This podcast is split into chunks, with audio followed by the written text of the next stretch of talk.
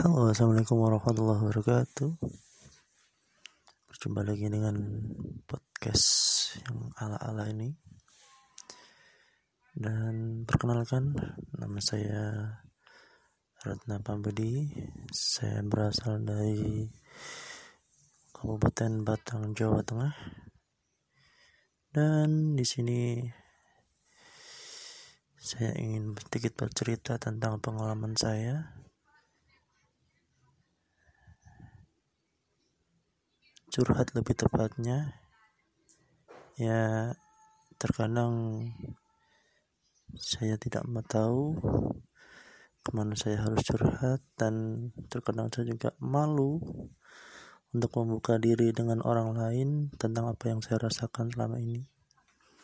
Dan lewat podcast ala-ala ini saya mencoba untuk berbagi dengan kawan semuanya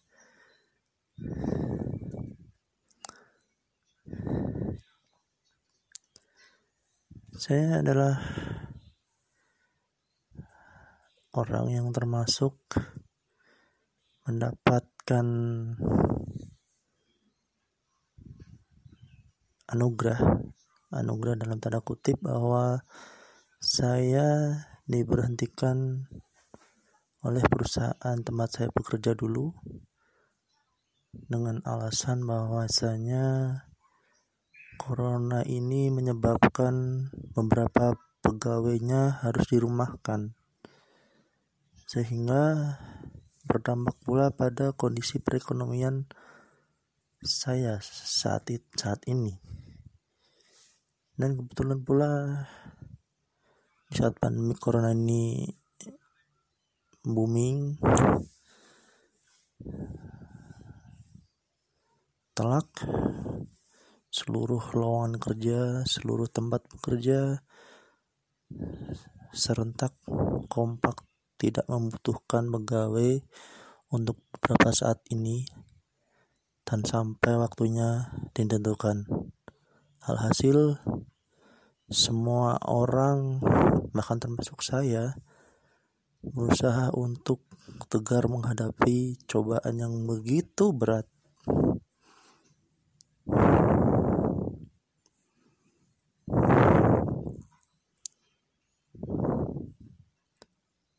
Lewat saran seorang teman, saya mencoba untuk bangkit bangkit dari keterpurukan dengan cara saya bergabung.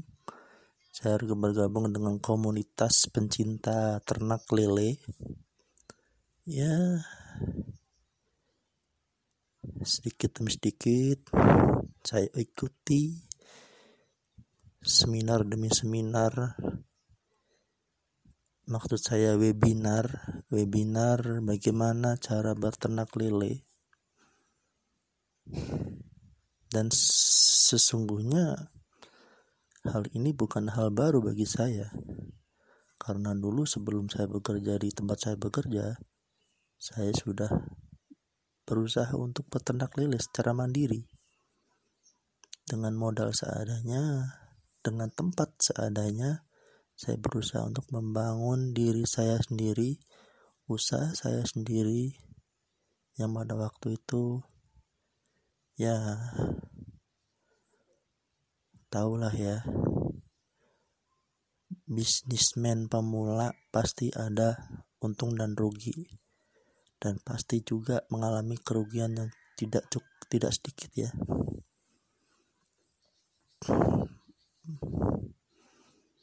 berawal dari keterpurukan, berawal dari keingintahuan, akhirnya saya gabungkan semua itu menjadi niat. Niat saya untuk bangkit, niat saya untuk berubah, niat saya untuk menjadi lebih baik dari sebelumnya, niat saya untuk bisa menopang diri saya sendiri ke depannya. Akhirnya dengan bekal ikut webinar sana dan sini akhir saya akhirnya saya mantap untuk memulai bisnis lele bisnis ternak lele ini dengan modal seadanya Mengapa di sini saya sebut seadanya? Karena pada waktu itu, maksud saya pada waktu ini, saya hanya memegang uang atau modal berasal yang berasal dari PT saya bekerja. Jadi saya hanya memegang uang, saya hanya memberikan suntikan dana kepada bisnis saya ini berasal dari uang yang saya terima, tabungan yang saya terima sewaktu saya masih bekerja di PT saya yang dulu.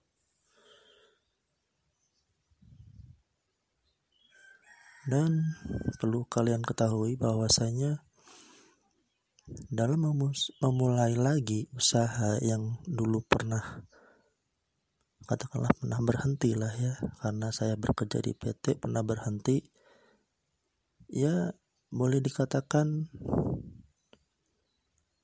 memulai itu lebih sulit kata orang. Tapi kalau saya justru yang lebih sulit adalah mempertahankan. Mempertahankan bagaimana agar bisnis ini bisa langgeng bagaimana bisnis ini bisa terus berkembang itu.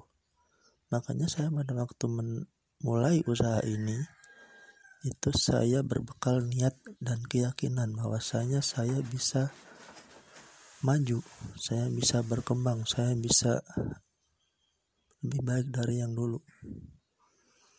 Akhirnya saya dengan bekal keyakinan dan niat itu saya mencoba menggali kemampuan saya lagi yang dulu pernah berhenti jadi petani lele. Dan dengan modal seadanya tempat seadanya dan bibit ikan lele yang ya cukup lah cukup banyak. Cukup cukup banyak untuk mengisi dua kolam lele. Dua kolam lele yang notabene hanya terbuat dari terpal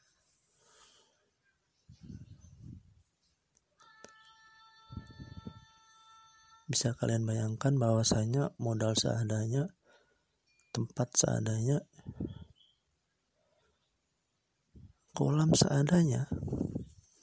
Karena saya hanya memiliki dua kolam itu pun juga mepet. Jadi saya sarankan bagi teman-teman yang ingin memulai usaha ini usahakan satu jangan terlalu terpaku pada hasil Jangan terlalu terpaku pada hasil. Ingat, usaha apa pun tidak akan mengkhianati hasil ketika usaha itu dilakukan secara kontinu dan yakin. Kembali ke cerita bahwasanya dengan modal seadanya, tempat seadanya dan kolam apa adanya, saya mulailah bisnis ikan lele itu. dan mungkin bulan bulan insya Allah bulan September Agustus Oktober maksud saya Agustus September Oktober uh, bulan September akhir mungkin akan panen yang kedua. Alhamdulillah.